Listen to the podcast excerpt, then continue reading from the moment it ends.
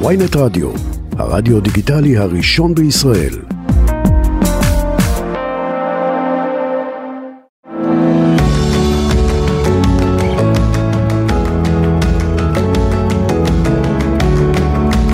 שלום, תודה רבה שהצטרפתם אלינו לעוד תוכנית של אספת הורים, תוכנית ההורות שלנו כאן בוויינט רדיו.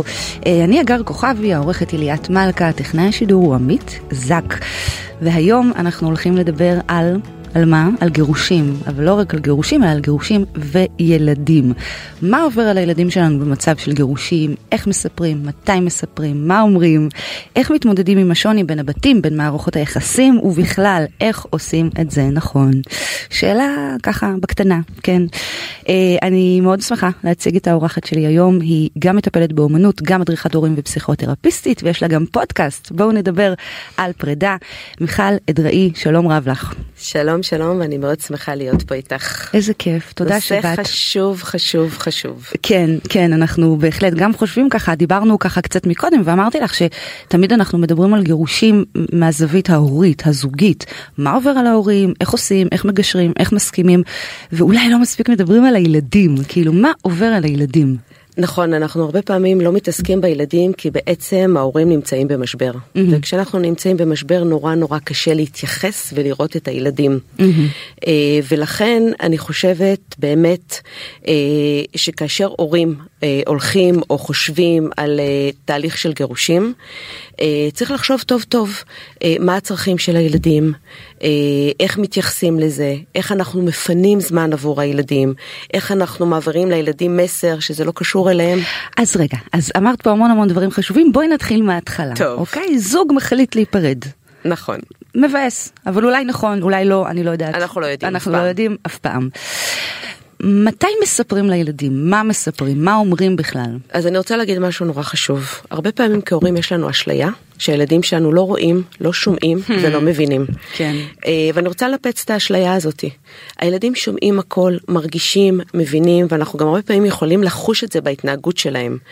אז ברגע שמתחיל להיות קונפליקט יותר משמעותי, וברגע שההורים מתחילים לדבר על פרידה, וברגע שזה כבר מתחיל להיות באוויר, הייתי ממליצה לקחת את הילדים לשיחה, לא צריך להגיד את המילה גירושין, mm-hmm. לא צריך להגיד את המילה אבא אמא עוזבים את הבית, אבל כן, אנחנו בקונפליקט, אנחנו, יש דברים שאנחנו לא מסכימים עליהם, אבא ואמא רבו אתמול, אה, אמא בכתה אתמול, אה, אבא בכה אתמול, אמא כעסה, אבא כעס, אנחנו צריכים לדבר את הלא מדובר. כן, כי. הילד מרגיש והוא שומע, וכשהוא לא יודע מה קורה, הסיפור שרץ לו בראש והחרדה שנמצאת אצלו היא הרבה הרבה יותר גדולה מאשר אם הוא יודע את האמת. מיכל, נראה לי שזו עצה טובה תמיד, נכון?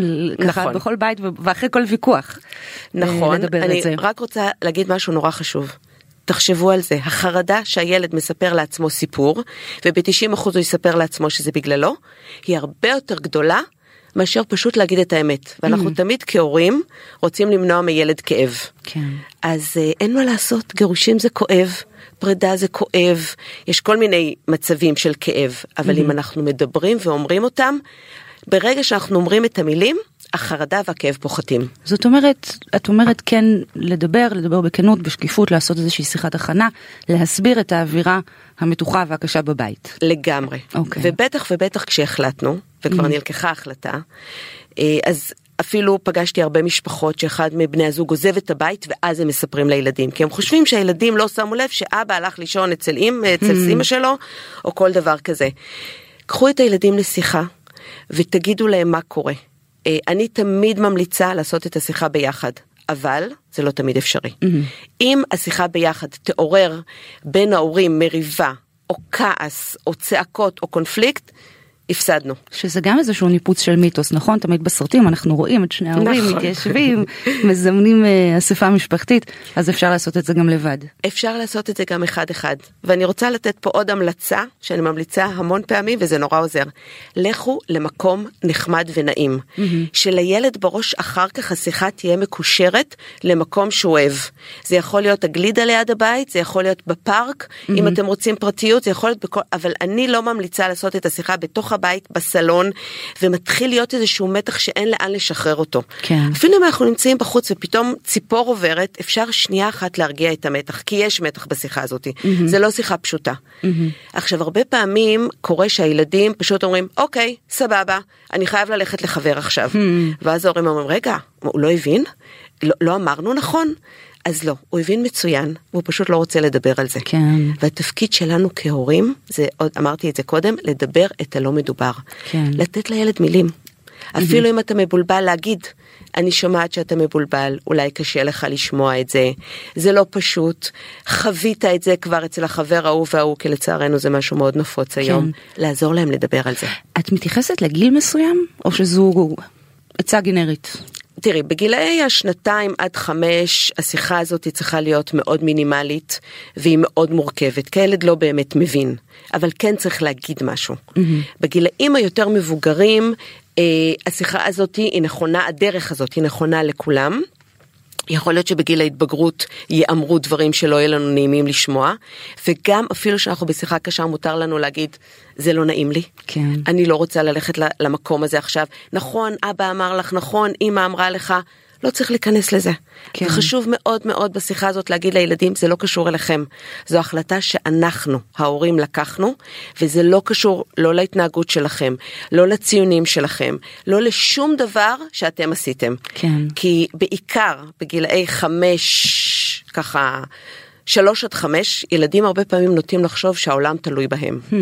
הם עשו משהו ויש לזה אחר כך השלכות. כן. וצריך להסביר להם שזה לא קשור אליהם. זה לא החלטה שלהם וזה לא קשור אליהם ולא משנה מה הם יעשו, ההחלטה לא תשתנה. כן, וואו, נשמע לי שזה, אני כאילו נכנסת רגע למקום של ילד פתאום, ואני חושבת על המקום, כמה חוסר שליטה יש ברגע הזה, כמה אובדן יכולת בחירה, כאילו אתה לא בחרת שום דבר, לא בחרת שההורים שלך ייפגשו וינסו, לא בחרת לבוא נכון. לעולם ולא בחרת את הדבר הזה.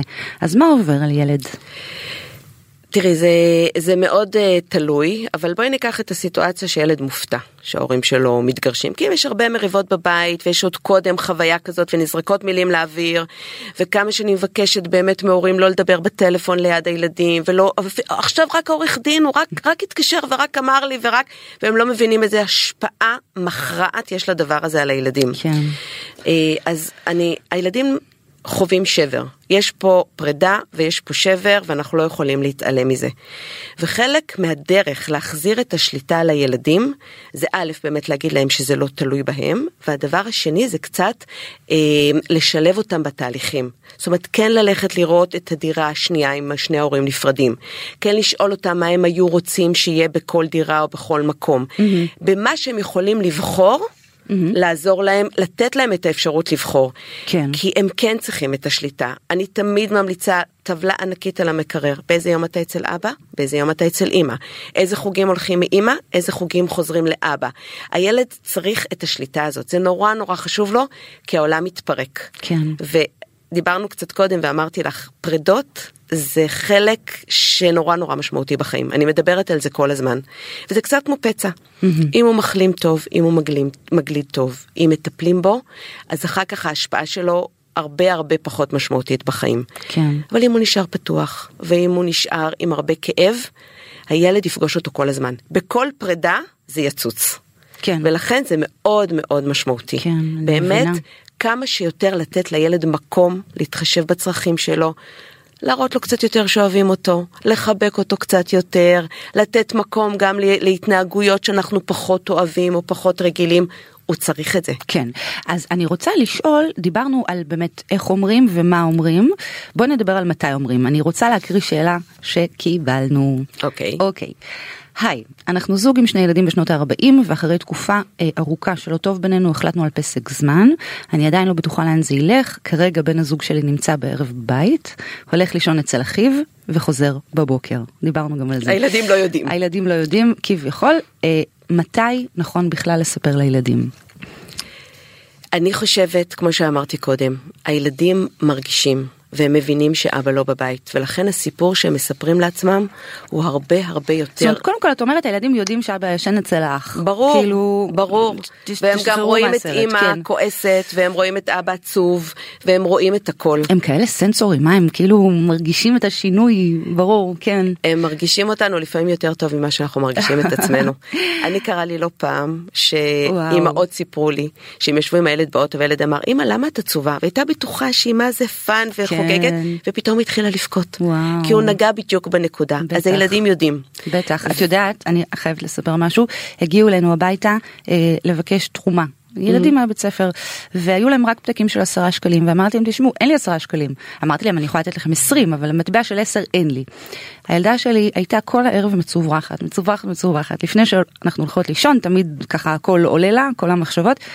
והיא שואלת אותי אמא תגידי אין לנו כסף מהעשרה שקלים שלא היו לי, זאת אומרת הם מבינים דברים מצד אחד כל כך מילולית, כן, ומצד שני באמת נטולי קונטקסט. אבל אוקיי. מה, זה בדיוק זה... מה שאמרתי, כי המחשבה כן. שלה הייתה הרבה יותר מפחידה. והיא שעות הסתובבה עם זה, כן. בדיוק, כי היא חשבה שמשהו נורא.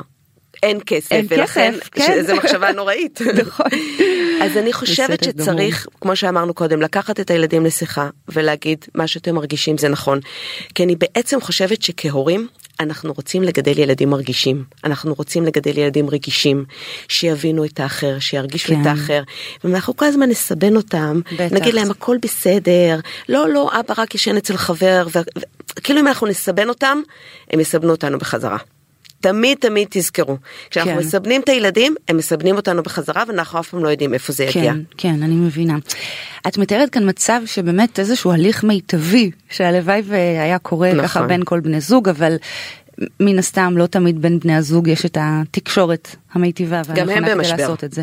גם כן. הם במשבר. בואי כן. לא נשכח כן. שלפעמים אחד יותר אחד פחות, לפעמים שניהם, אבל גם הם עוברים כרגע איזשהו משבר מאוד מאוד גדול. כן. ולכן אנחנו גם חומלים עליהם. כן. אבל אין מה לעשות. אתם בחרתם, אתם צריכים לקחת על זה אחריות, וחלק מהאחריות זה באמת לתת לילדים את הכי טוב שאפשר. כן. והרבה פעמים הורים לא מבינים איך הקונפליקט ביניהם חודר לחיים של הילדים. כן. ואנחנו מכירים את הקונפליקטים האלה, זה הרבה פעמים קונפליקט סביב כסף, זה קונפליק, קונפליקט סביב הסדרי ראייה, מגורים, המון דברים שהילדים לא שייכים לזה, אבל הם נהיים מאוד מהר מעורבים. כן. וזה כן. אני חושבת נקודה שאנחנו חייבות לדבר כן. עליה. איך משאירים את הילדים בחוץ, אבל אולי נתקדם עוד קצת. בסדר, בסדר גמור. אה, זמן טוב לדבר על אשמה? אה, כן, כן, בהחלט. מצוין. תראי איזה שאלה קיבלתי, תשמעי. אה, וואו, הזוגיות שלנו במשבר משום שגיליתי שבת זוגי בוגדת בי. לפני הילדה היה ברור שאם זה קורה אנחנו מיד נפרדים, אבל עכשיו אני לא מסוגל לחשוב על פירוק המשפחה למרות הכאב העצום שנגרם ממה שקרה. אני אכול אשמה אפילו שלא עשיתי משהו לא בסדר. האם יש לכם עצה בשבילי? איזה אבא חמוד. כן. נכון. אה, תראי. וואו. האבא הזה שואל שאלה על זוגיות. כן. ולא על הורות. ולא על הורות. ובזוג... וזוגיות, אנחנו לא מדברות על זה כרגע. נכון. אבל uh, אני חושבת שתחשוב רגע, אבא יקר, איזה משקל אתה שם על כתפי הילדה שלך, שבגללה אתה נשאר בבית. אם אתה רוצה להישאר בבית, תישאר בבית. אם אתה רוצה לעזוב את הבית, תעזוב את הבית. אבל זה לא פייר לשים את המשקל הזה על הילדה. כן. כי היא לא זאתי שיכולה לבחור איזה זוגיות תהיה ומה יהיה בזוגיות שלכם. וכל הזמן להסתובב עם החוויה הזאתי, שיש לי איזשהו תפקיד בהצלת הזוגיות של ההורים שלי, זה תפקיד נורא קשה ולא הוגן. היית אומרת את זה גם לגבי מקרים אחרים ש... את יודעת, לא נפרדים בגלל הילדים, נשארים בבית בשביל הילדים. אני עוד פעם אני חושבת שזה לא פייר לשים על הילדים את התפקיד הזה. זאת אומרת אנחנו אומרות הם רואים הם מרגישים הם יודעים. יש לכם זוגיות תפתרו את הבעיות כן. הזוגיות שלכם תחשבו מה מתאים לכם. אני חושבת שהרבה פעמים מצב כלכלי זה משהו שהוא אה, משאיר זוגות ביחד, אבל עוד פעם עושים חשיבה, בודקים איזה זוגיות יש כאן, מה אומר המצב הכלכלי, אבל לא בגלל הילדים, כי, כי זה תפקיד, זה לתת לילד תפקיד. אה, כמו שלמשל זוגות ש, שנפרדים ויש ילד אחד שהוא יותר אחראי ויותר מסור ויותר יודע לטפל, אז נשים עליו תפקיד של אה, אולי הגבר שעזב את הבית, או אבא הרבה פעמים שם עלה דווקא על הילדה את התפקיד של האימא שעזבה את הבית. זה לא פייר, זה לא התפקיד שלהם. התפקיד שלהם הוא להיות ילדים. כן. התפקיד שלהם הוא ליהנות, התפקיד שלהם הוא להיות, לחיות את החיים שלהם בבית ספר, חברתית, ולא לקחת תפקיד בזוגיות של ההורים. Mm-hmm. ולהישאר בשביל ילדה זה לא נכון. אתה רוצה להישאר, תישאר. אתה רוצה לאכול את הבגידה של אשתך ולהתקדם איתה ולדעת איך אתה מב... זה בסדר. תעשה מה שנכון לך. אבל לא כן. בגלל או בשביל הילדים. כן, אני מבינה. בואי נדבר בכלל על אשמה, אוקיי? טוב. אני מניחה שזה רגש ככה שיש, אה, מאוד שהוא קשה. מצוי בשפע ב- בכל צד והיבט פה של הסיפור הזה. נכון. מה, איך את תופסת את זה? אה, זה נורא נורא קשה. כי אני, אני אגיד לך על מה הרבה הורים מרגישים אשמה. הם מרגישים אשמה על זה שהילד לא נמצא איתם, ופתאום הם נהנים. ופתאום יש להם אוויר לנשימה. ואומרים, מה זה? איך זה יכול להיות? אני לא מתגעגע לילד שלי? אני לא רוצה להיות איתו?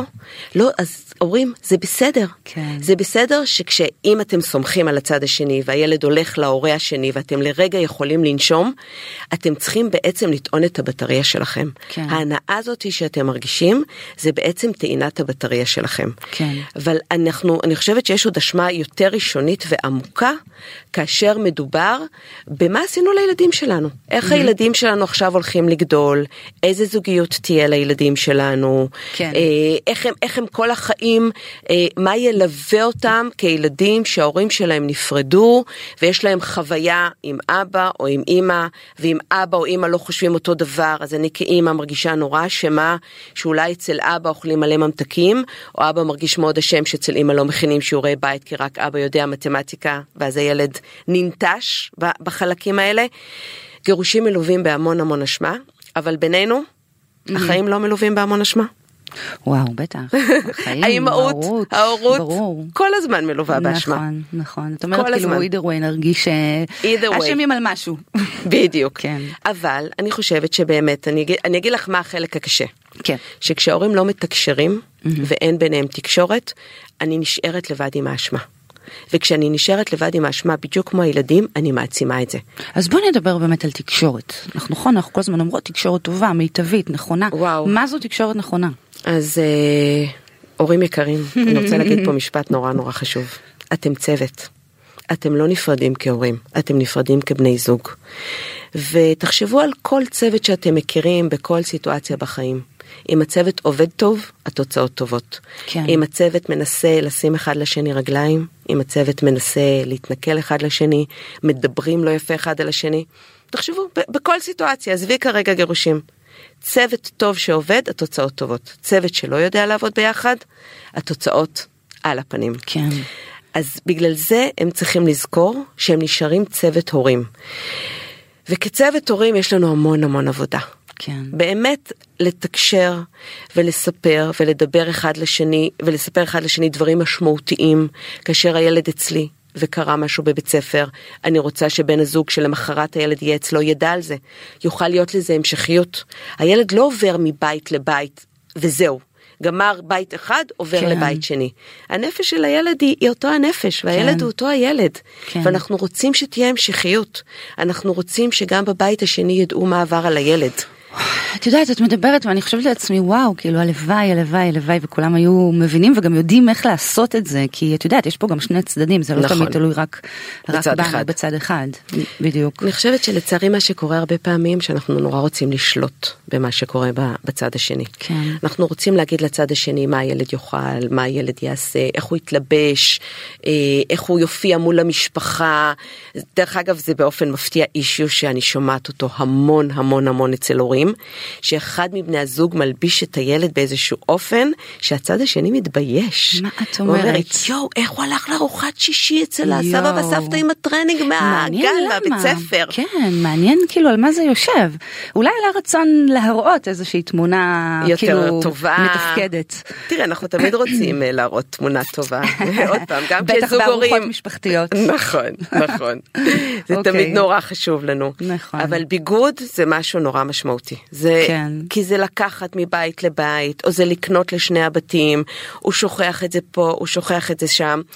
יש לי ככה עוד עצה, ששוב פעם, הלוואי והורים יוכלו ליישם אותה, זה לגור במרחק שהילד יוכל לנוע בין הבתים, כי זה גם אישיו נורא גדול. כן, קודם ש- כל יש כמובן, אה, יש גם חוק, נכון? שהורים צריכים לגור, או שזה פר הסכם בעצם. זה פר הסכם, במרחק פר הסכם וכבר היו לי באמת הורים שהגיעו שאבא גר בתל אביב והאימא עם הילדים גרה באזור נתניה Mm.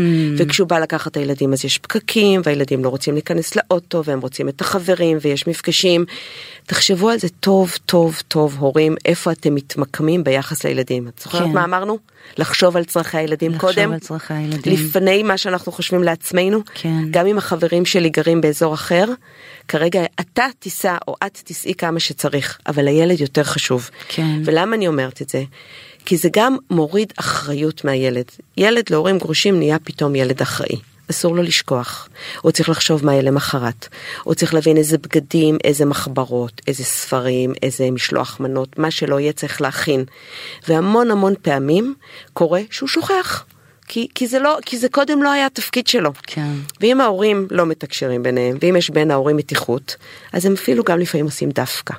ואם הילד שכח את המשלוח מנות, כי עכשיו היה פורים, אצל אימא, ולא הביא אותו לאבא, ואז הוא בבעיה, אז הוא אומר, אימא, אני צריך את המשלוח מנות. לא, אני לא מביאה, אתה עכשיו אצל אבא, שאבא ייקח על זה אחריות. מה אשם הילד, כן. האומלל? שהוא שכח, אז הוא גם מרגיש אשם נורא שהוא שכח, וגם כן. הוא נמצא פה בתוך הקונפליקט בין אבא לאמא. זה במידה ואבא ואמא מדברים. מדברים. כי גם זה קורה המון, שכל התקשורת עוברת דרך הילדים. רציתי לדבר על זה באמת. נכון. כאילו על תפקיד הילד ובעיקר על נושא התקשורת, אבל כן, אני לא אפריע לך. לא, אז אני אומרת, ברגע שיחסית המגורים הם קרובים, והילד אה, יכול לנוע מבית לבית, וללכת, ולהביא את הדברים, ולחזור, ולקחת, החיים שלו הרבה הרבה יותר פשוטים. אני יודעת שזו אה, בקשה כאילו כן. מאוד מאוד גדולה מהרבה הרבה הורים, כן. אבל אני באמת חושבת שכשהורים מתגרשים, הם צריכים לחשוב קודם כל על הילדים. כן. אני רוצה לשאול אותך על זה משהו, אבל אנחנו נצא להפסקה ממש קצרה ותכף נחזור. מיכל, דיברנו על, על התקשורת אה, עם הילד, אוקיי? אבל רציתי לשאול אותך קודם על תפקיד הילד ואז על התקשורת עם הילד. דיברנו על התקשורת בין ההורים. בין ההורים, בדיוק. כן. אז איך, איך, איך לתפיסתך צריכה להיראות התקשורת עם הילד, עם הילדים? תראי, הרבה פעמים, אה, במיוחד שהורים מתגרשים, אז הרבה מהקשיים של הילדים לא יצאו בבית, הם יצאו בבית ספר, הם יצאו מול חברים, כי הילד מבין בתוכו שגם ההורה עובר משבר. וכשילד מבין שההורה עובר משבר, הרבה פעמים הוא יוציא את הכעסים במקומות אחרים. אז אחד הדברים החשובים זה לידע את הסביבה, לידע את בית ספר, לידע את המורה, את הגננת, את מי שצריך. אנחנו מתגרשים, הילד עובר תקופה לא פשוטה, כדאי שתדעי, ואם הוא מתנהג בצורה מסוימת, אני מאוד אה, רוצה לדעת ורוצה לשמוע. אבל הילדים גם בבית עושים לנו חיים קשים. את כאמא יודעת ואני כאמא יודעת. אני? מה פתאום? כן. שגם אם אנחנו לא גרושים הילדים שלנו עושים acting out ומראים לנו באמת הרבה וואו, וואו, פעמים תשמעי, לא פשוט הסיפור הזה בכלל. אם כן. הם מרוצים או לא מרוצים כן. הם, הם מאוד רוצים להראות לנו. ואנחנו צריכים להבין שגם אם הילד אה, חוזר להרטיב בלילה וגם אם הילד מתעקש נורא לא להתלבש בבוקר המון פעמים זה קשור לזה שהוא חווה עכשיו פרידה ומשבר ואנחנו צריכים לעזור לו לדבר את זה. אולי היום אתה מתגעגע לאבא. אולי היום עצוב לך כי אימא, כי לא תראה את אימא. אנחנו צריכים לעזור לו לדבר את הדברים, הוא לא יודע. כן. זה לא שהוא יודע ומסתיר, הוא לא יודע. הוא לא יודע לתמלל. והמון פעמים כשאנחנו אומרים לילד משהו מדויק, אנחנו נראה את הפנים שלו משתנות. אנחנו נראה את הרגיעה. כן. בואו, אני לא תמימה. כשצריך לצאת לבית ספר ויש שלושה ילדים וכל אחד עושה משהו אחר ויש המון המון עצבים בבית, אי אפשר לעצור רגע ולהגיד, אבל אפשר בערב, אפשר אחר כך. אני חסידה גדולה של בדיעבד. להגיד, היום בבוקר היה לך נורא קשה, אני חושבת כי, או לנסות להבין מה עבר עליו, זה מצוין. אנחנו לא תמיד מצליחים להגיד ברגע האמת. כן. אני לא מבקשת פה מהורים להיות איזה שהם סופר על או סופר מאמה או סופר פאפה. שיוכלו להגיד בזמן אמת כשהם עצמם בלחץ לצאת לעבודה לילד בוא חמוד בוא נדבר על זה רגע זה לא עובד ככה כן. אבל בדיעבד זה מעולה. לחשוב שנייה את אה, אחר כך נכנסת לאוטו את נוהגת יש לך פקק. תחשבי רגע, דברי רגע עם חברה, תספרי לה מה היה, תשמעי מה היא אומרת, תקבלי עוד פרספקטיבה ותירגעי רגע. עצה מעולה. אני חייבת להגיד, זו עצה מעולה, באמת. בכל מצב, כי בכל תוך סטטוס. כדי זה נורא קשה. נכון. והבדיעבד הוא מצוין. כן. ובאמת הרבה פעמים לילד קשה להגיד, אנחנו צריכים, אנחנו צריכים לעזור לו להגיד, אנחנו צריכים כן. לעזור לו לדבר. לדבר את הלא מדובר. נכון. אה, את רואה, למדתי משהו. אה, אני. רוצה לשאול, אנחנו משליכים תפקידים על הילדים בזמן גירושים? בטח. קודם כל לא רק בזמן גירושים. אנחנו לאט לאט מבינות שהרבה דברים שקורים בבית לגמרי. סטנדרטי ורגיל קורים גם בגירושים. רק בגירושים אנחנו מתמודדים עם זה אחרת כי הילד חווה שתי דעות או שני הורים. כשבאים אליי הורים ביחד, כשיש בעיה לילד, תמיד אני אומרת איזה כיף שיש לילד שני הורים. הוא שומע דעה כזאת, הוא שומע דעה כזאת. יש אחד שהוא יותר נוקשה, אחד שהוא יותר רך, איזה יופי זה כאילו ביחד. השוני משרת פה את הילד. את הילד. כשמתגרשים, פתאום יש שוני מאוד מאוד גדול. ואז באמת הרבה פעמים מה שקורה, אנחנו נותנים לילד את התפקיד.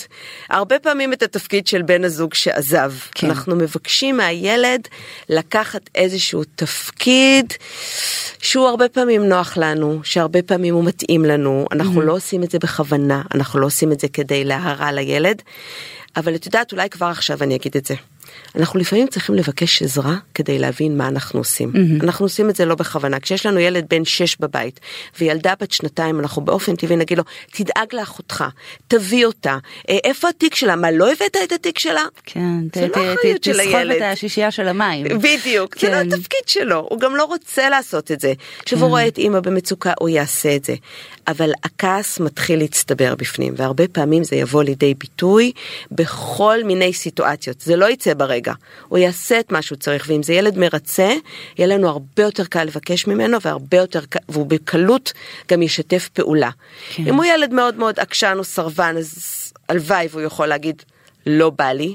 תקראי לאבא שיעשה את זה, אני לא רוצה לעשות את זה, הלוואי, אבל רוב הילדים בסוף הם, יש בהם חלק מרצה, כי הם רוצים את האהבה כן. של אבא או של אימא, כן. ואם הוא יסחוב את המים, אז לפחות תגידי לו, איזה חזק אתה, כן. תהפכי את זה למשהו חיובי. כן, משהו חיובי. כן. לא חזק כמו אבא, חס לא, וחלילה. איזה חזק, חזק אתה, אתה. איזה כן. גיבור אתה, איזה יופי.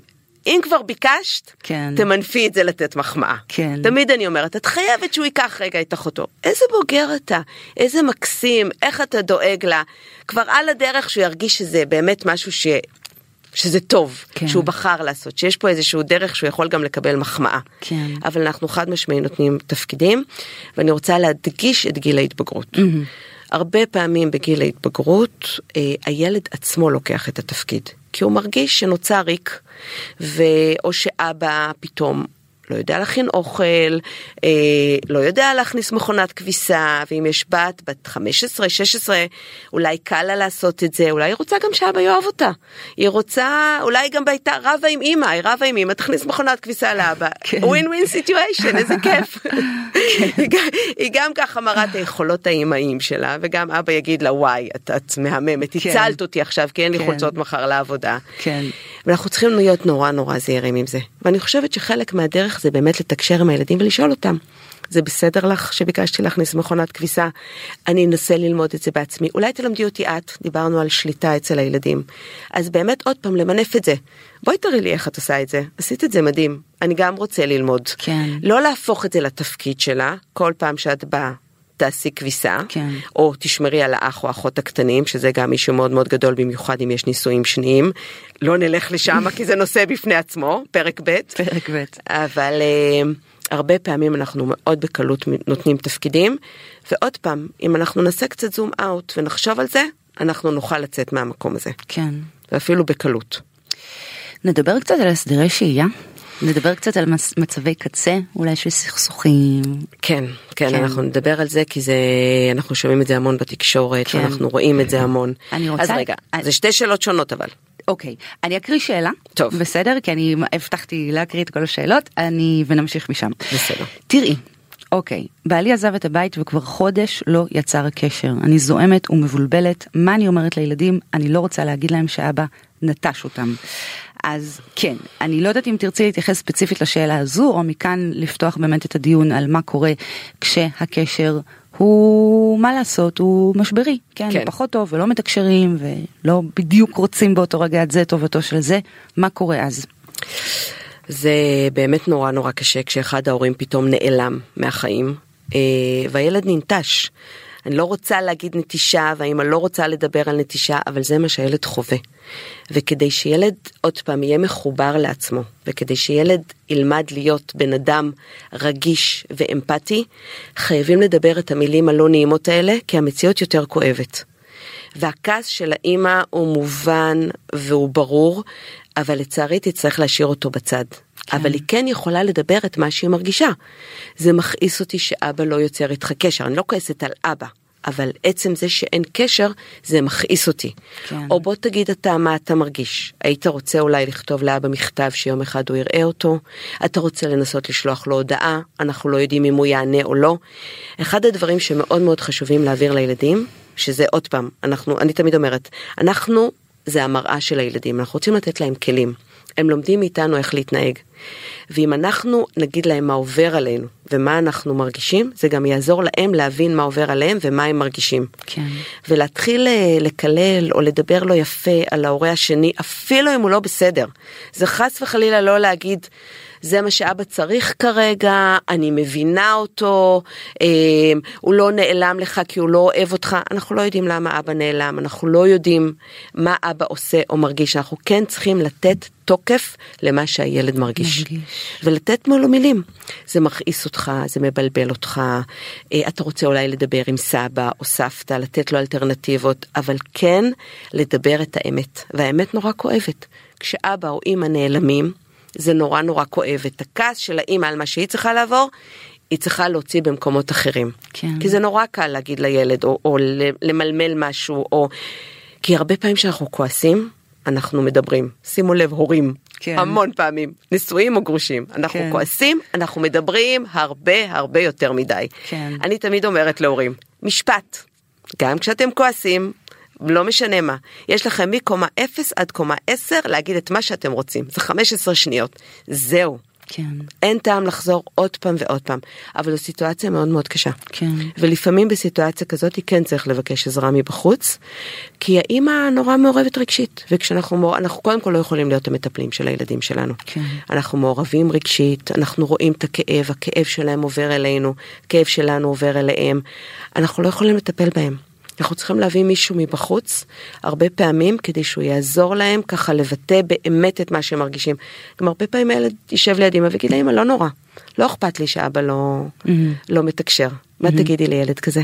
וואו. זה נורא קשה. מאוד. כי הוא לא רוצה שיכאב לך, כן. ויכול להיות שכשהוא אומר שהוא כואב לו אז פתאום מתמלאות העיניים דמעות ואז הוא אומר רגע אני חייבתי לאמא, אני לא רוצה להכאיב כן. לאמא. אז הרבה פעמים יגיד לא אכפת לי, אני לא משנה, לא, לא אכפת לי שאבא לא פה. וואי. אנחנו יודעים שמאוד אכפת לו. את מרגשת אותי מאוד, את יודעת, ממש, אני, כן. בסדר גמור. אז בוא נדבר על הסדרי שהייה. בואי. מה, מה קורה שם? תראי, אה, עוד פעם, אנחנו חוזרים למילה המאוד מאוד חשובה בכל הדבר הזה וזה תקשורת.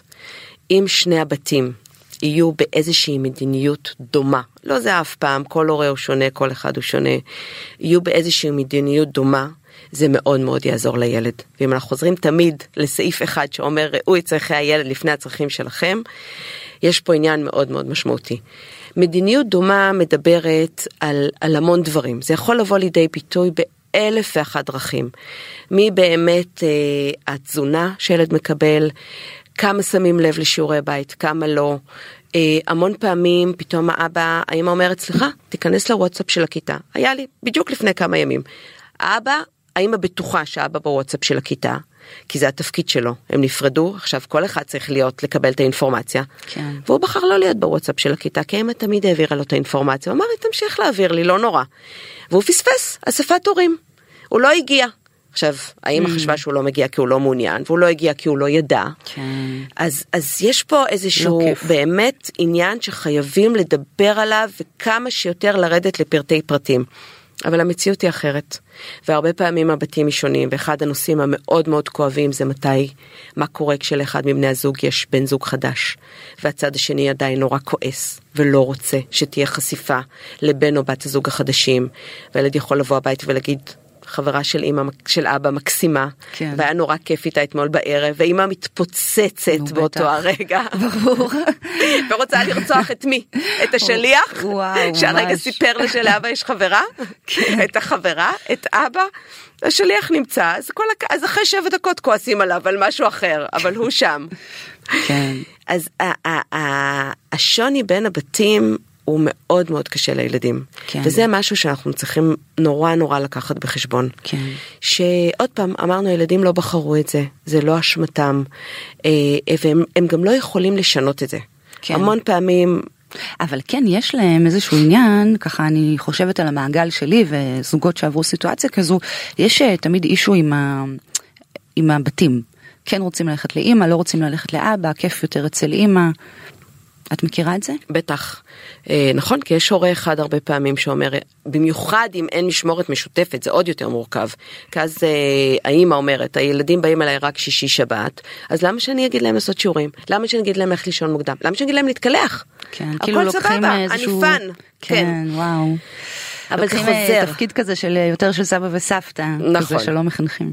אבל כן. זה חוזר אליהם, כי אחר כך כשיש בעיות הם הרבה פעמים ב- לא יודעים איך להתמודד. כשאין גבולות ואין הסברים ברורים, זה חוזר בסוף ככה או אחרת. זה, זה, זה לא, לא נפטרים מזה. אבל אה, אני חושבת, בטח שילדים קטנים, לא אני חושבת, אני יודעת שכשהילדים קטנים, אז אנחנו מחליטים עליהם. אנחנו מחליטים עליהם בכל כך הרבה דברים. כן. ואנחנו חייבים להגיד להם, אתם צריכים ללכת לאבא או לאימא. כי זה הזמן שלכם איתם, וכמו שאתם אצלי, אז ככה אתם צריכים להיות אצל בן הזוג השני. אני מחליט פה. אני שולט על הסיטואציה, והמסר הכי חשוב, אני יודע מה טוב בשבילך. ואני יודע שהכי טוב בשבילך זה להיות בקשר עם אבא ועם אימא, וזה לעשות את הדברים שאתה אוהב עם אבא ולעשות את הדברים שאתה אוהב עם אימא. ואם יש הרבה מריבות או עם הרבה קשיים, צריך כן. לקחת עזרה.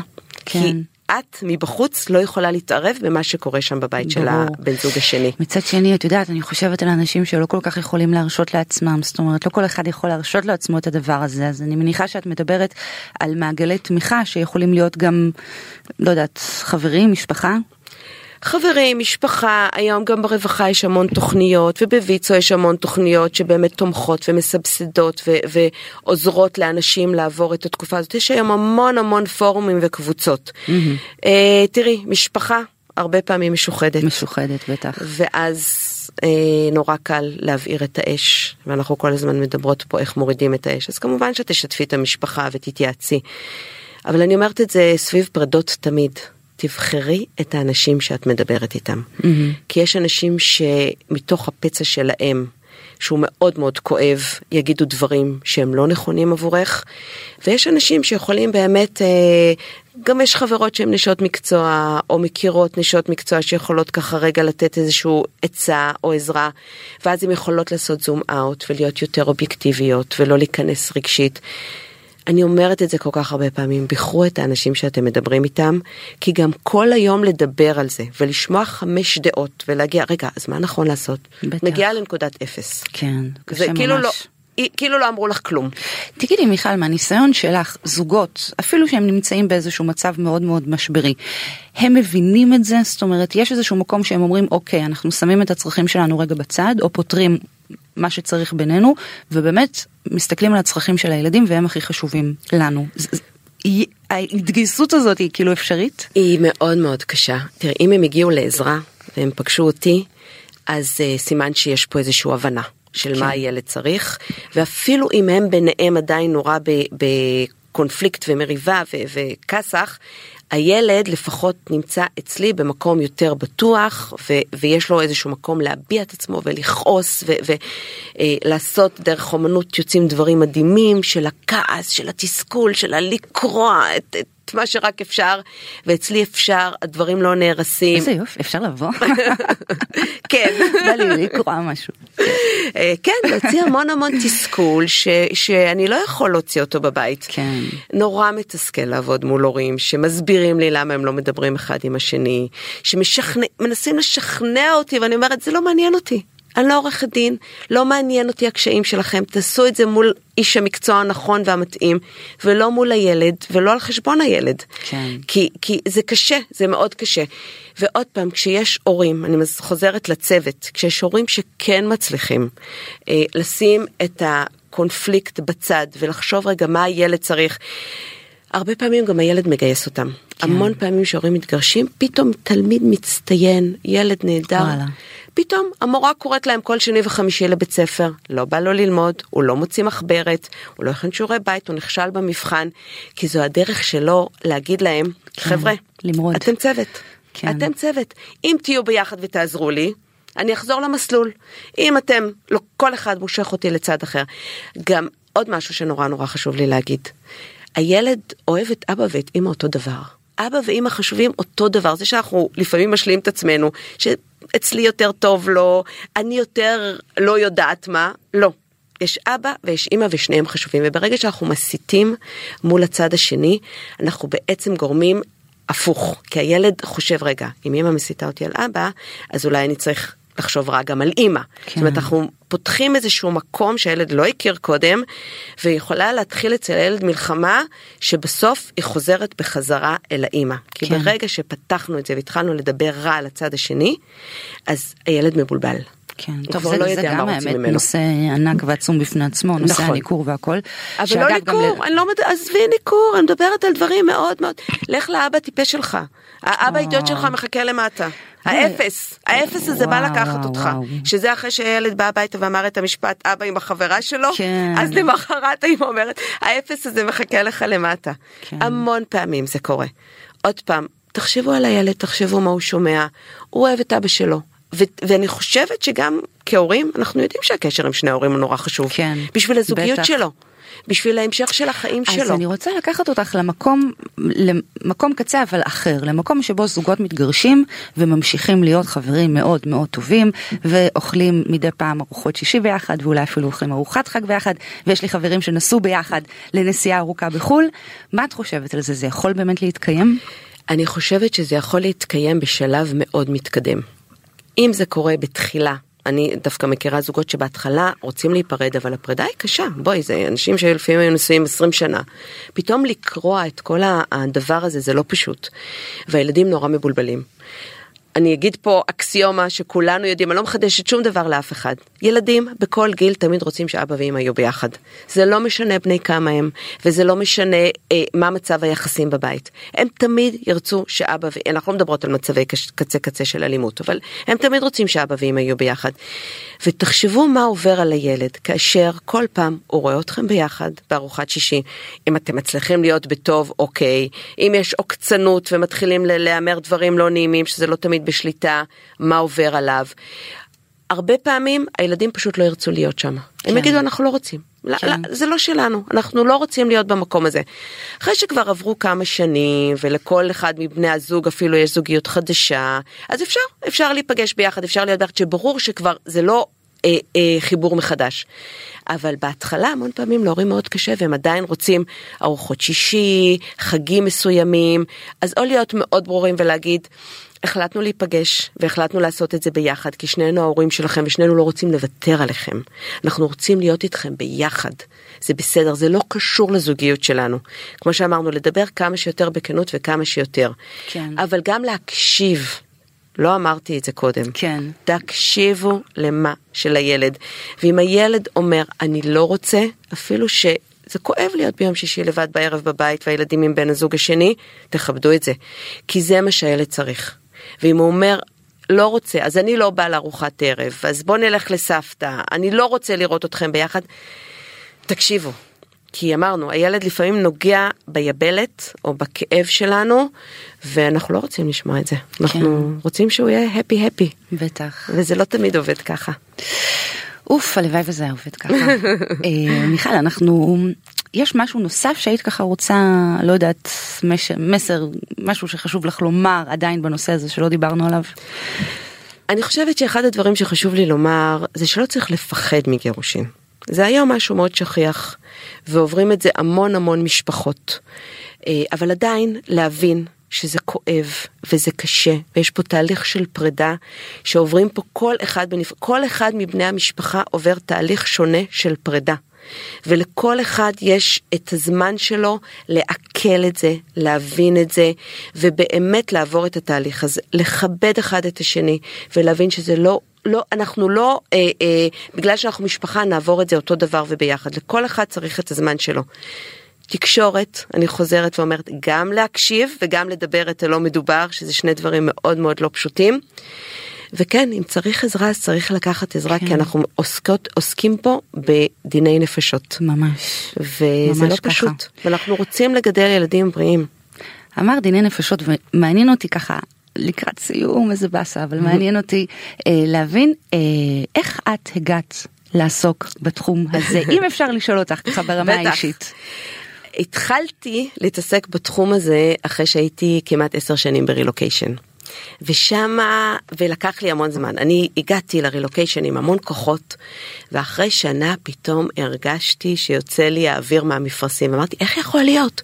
אני עברתי ללונדון, הפארקים מהממים. התערוכות מדהימות, הכל נהדר, ואחרי שנה שפתאום הילדים נכנסו למסגרות, ופתאום הכל נרגע, אני עברתי את המשבר שלי, ואז התחלתי להתעסק בפרדות. אה, לי הייתה פרידה מאוד קשה מאבא בסביבות גיל 21, ואין מה לעשות, פרידה זה פרידה. פתאום עלו קשה. וצפו לי כל מיני חרדות וקשיים של פרידות ש- שעברתי בעבר, אבל לא נתתי להם מקום. כן. לא, לא באמת אה, הבנתי שכשעכשיו אני נפרדת מחדש והשארתי את אימא שלי בארץ ומשפחה בארץ וחברות נורא טובות בארץ, אני עוברת פרידה. הייתי כל כך ב, בהסתכלות קדימה של וואו. המקום החדש והרילוקיישן ואז התחלתי כן. להתעסק המון עם פרידה. אה, וגם סביב הקורונה היה לי עוד פעם איזשהו ככה משבר שהילדים שלי כבר היו גדולים והיו בארץ אה, ואני חייתי בחו"ל.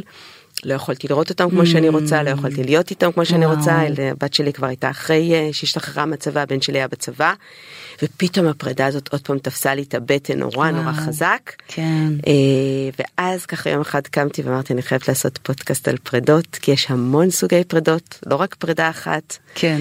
אה, זו זכות שלנו אני חייבת לומר כי באמת את נגעת פה בנקודות שאת יודעת אנחנו מדברות אוקיי על ילדים וגירושים אבל לדעתי נגעת פה בנקודות רגשיות נפשיות כל כך כל כך עמוקות וחשובות בכל אינטראקציה בטח ובטח נכון. באינטראקציה של הורים וילדים ובאמת הייתי ממליצה לכולם להקשיב לפרק הזה וממש לא רק להורים גרושים אז אה, לקראת יש לי עוד אה, משפט? סוף כן בבקשה משפט אחרון. אוקיי, אני רוצה להזכיר להורים, במיוחד שמתגרשים, שתסתכלו גם על הפרדות שהיו לכם בעבר. פרדות, אנחנו הרי לוקחים איתנו, זה מסע, אנחנו לוקחים איתנו את השק הזה של ההורות שחווינו בתור ילדים, יכול להיות שהגעתם מבית שנפרד ומשחזרים משהו. תסתכלו על הפרדות שלכם, באמת כן. תסתכלו. איפה אתם חוויתם פרידה ואיפה זה פוגש אתכם כי הרבה פעמים אנחנו מגיבים מהמקום הזה וזה מקום אחר לגמרי אנחנו כן. היום אנשים אחרים. את אומרת זה פוגש רק צריך להבין לגמרי. איפה אבל זה פוגש. נכון. בסדר גמור בואו אה, נשמע עוד ונמשיך לפינה שלנו.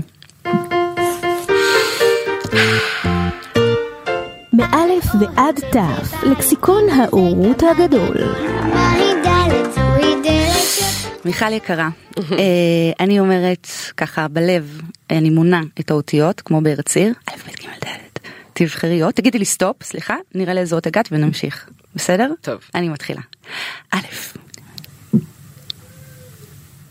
סטופ. שין. רציתי. שתגיעי לת'. וואי זה זה כמעט זה כמעט כמעט. ממש רציתי שתגיעי לש- רוצה- לטף. וואי, הי- הייתי כאילו מציעה לך לעשות את זה עוד פעם, אבל עכשיו בטוח אני אגיע לטף, ואז כאילו, כן, הכל מכור. אז יופי, קצת אתגרתי אותך. נכון, בכל. מקרה אני אשאל אותך מה את רוצה לומר בתף, אבל בשין, איזו מילה עולה לך באות שין? האמת היא, אה, אני לא, לא עולה לי איזושהי מילה, אני חייבת להגיד, כי כאילו המילה הראשונה שקפצה לי זה שקר, וכאילו, וואו. כאילו זו המילה הראשונה כן. שקפצה לי בלהגיד לא. לא לא לשקר, לשקר. לא לספר לילדים סיפורים, חוזרים, ואני קופצת לטף לתקשורת, תהיו אמיתיים וכנים, אה, וגם אם זה לא פשוט להגיד את האמת, אל תשכחו שהאמת בחוץ הרבה יותר כואבת. כן. על להגיד את האמת זה משהו נורא נורא חשוב, כן. אז זה לא שין שקר, אלא זה לא כן. לשקר, אלא... אני, אני אספר שלי עלה, עלתה המילה שקט. כאילו שקט, שאני מאחלת, את יודעת, לכולם שקט, גם לזוגות שביחד ולזוגות לא- שלא ביחד, ובעיקר, בעיקר לילדים. נכון. שיהיה להם שקט. הלוואי. טוב, אז הגענו לסיום. מיכל, מיכל אדראי, אני רוצה כל כך להודות לך, באמת, על השיחה המעניינת וה, והחכמה והטובה הזאת. איזה כיף, תודה רבה. ממש ממש תודה. אה, ותודה גם לעורכת התוכנית ליאת מלכה, ותודה לטכנאי השידור עמית זק. תודה לכל המאזינים והגולשים ששולחים לנו שאלות כאלה. איזה שאלות מדהימות, מדהימות. ממש. תמשיכו לעשות את זה, תשלחו בבקשה אה, תגובות, שאלות, רעיונות, עצות, מחשבות ומה שאתם רוצים אה, לכתובת הגר מקף k שטרודל אה, ynet.co.il ואנחנו ניפגש בתוכנית הבאה של אספת הורים. תודה רבה, ביי.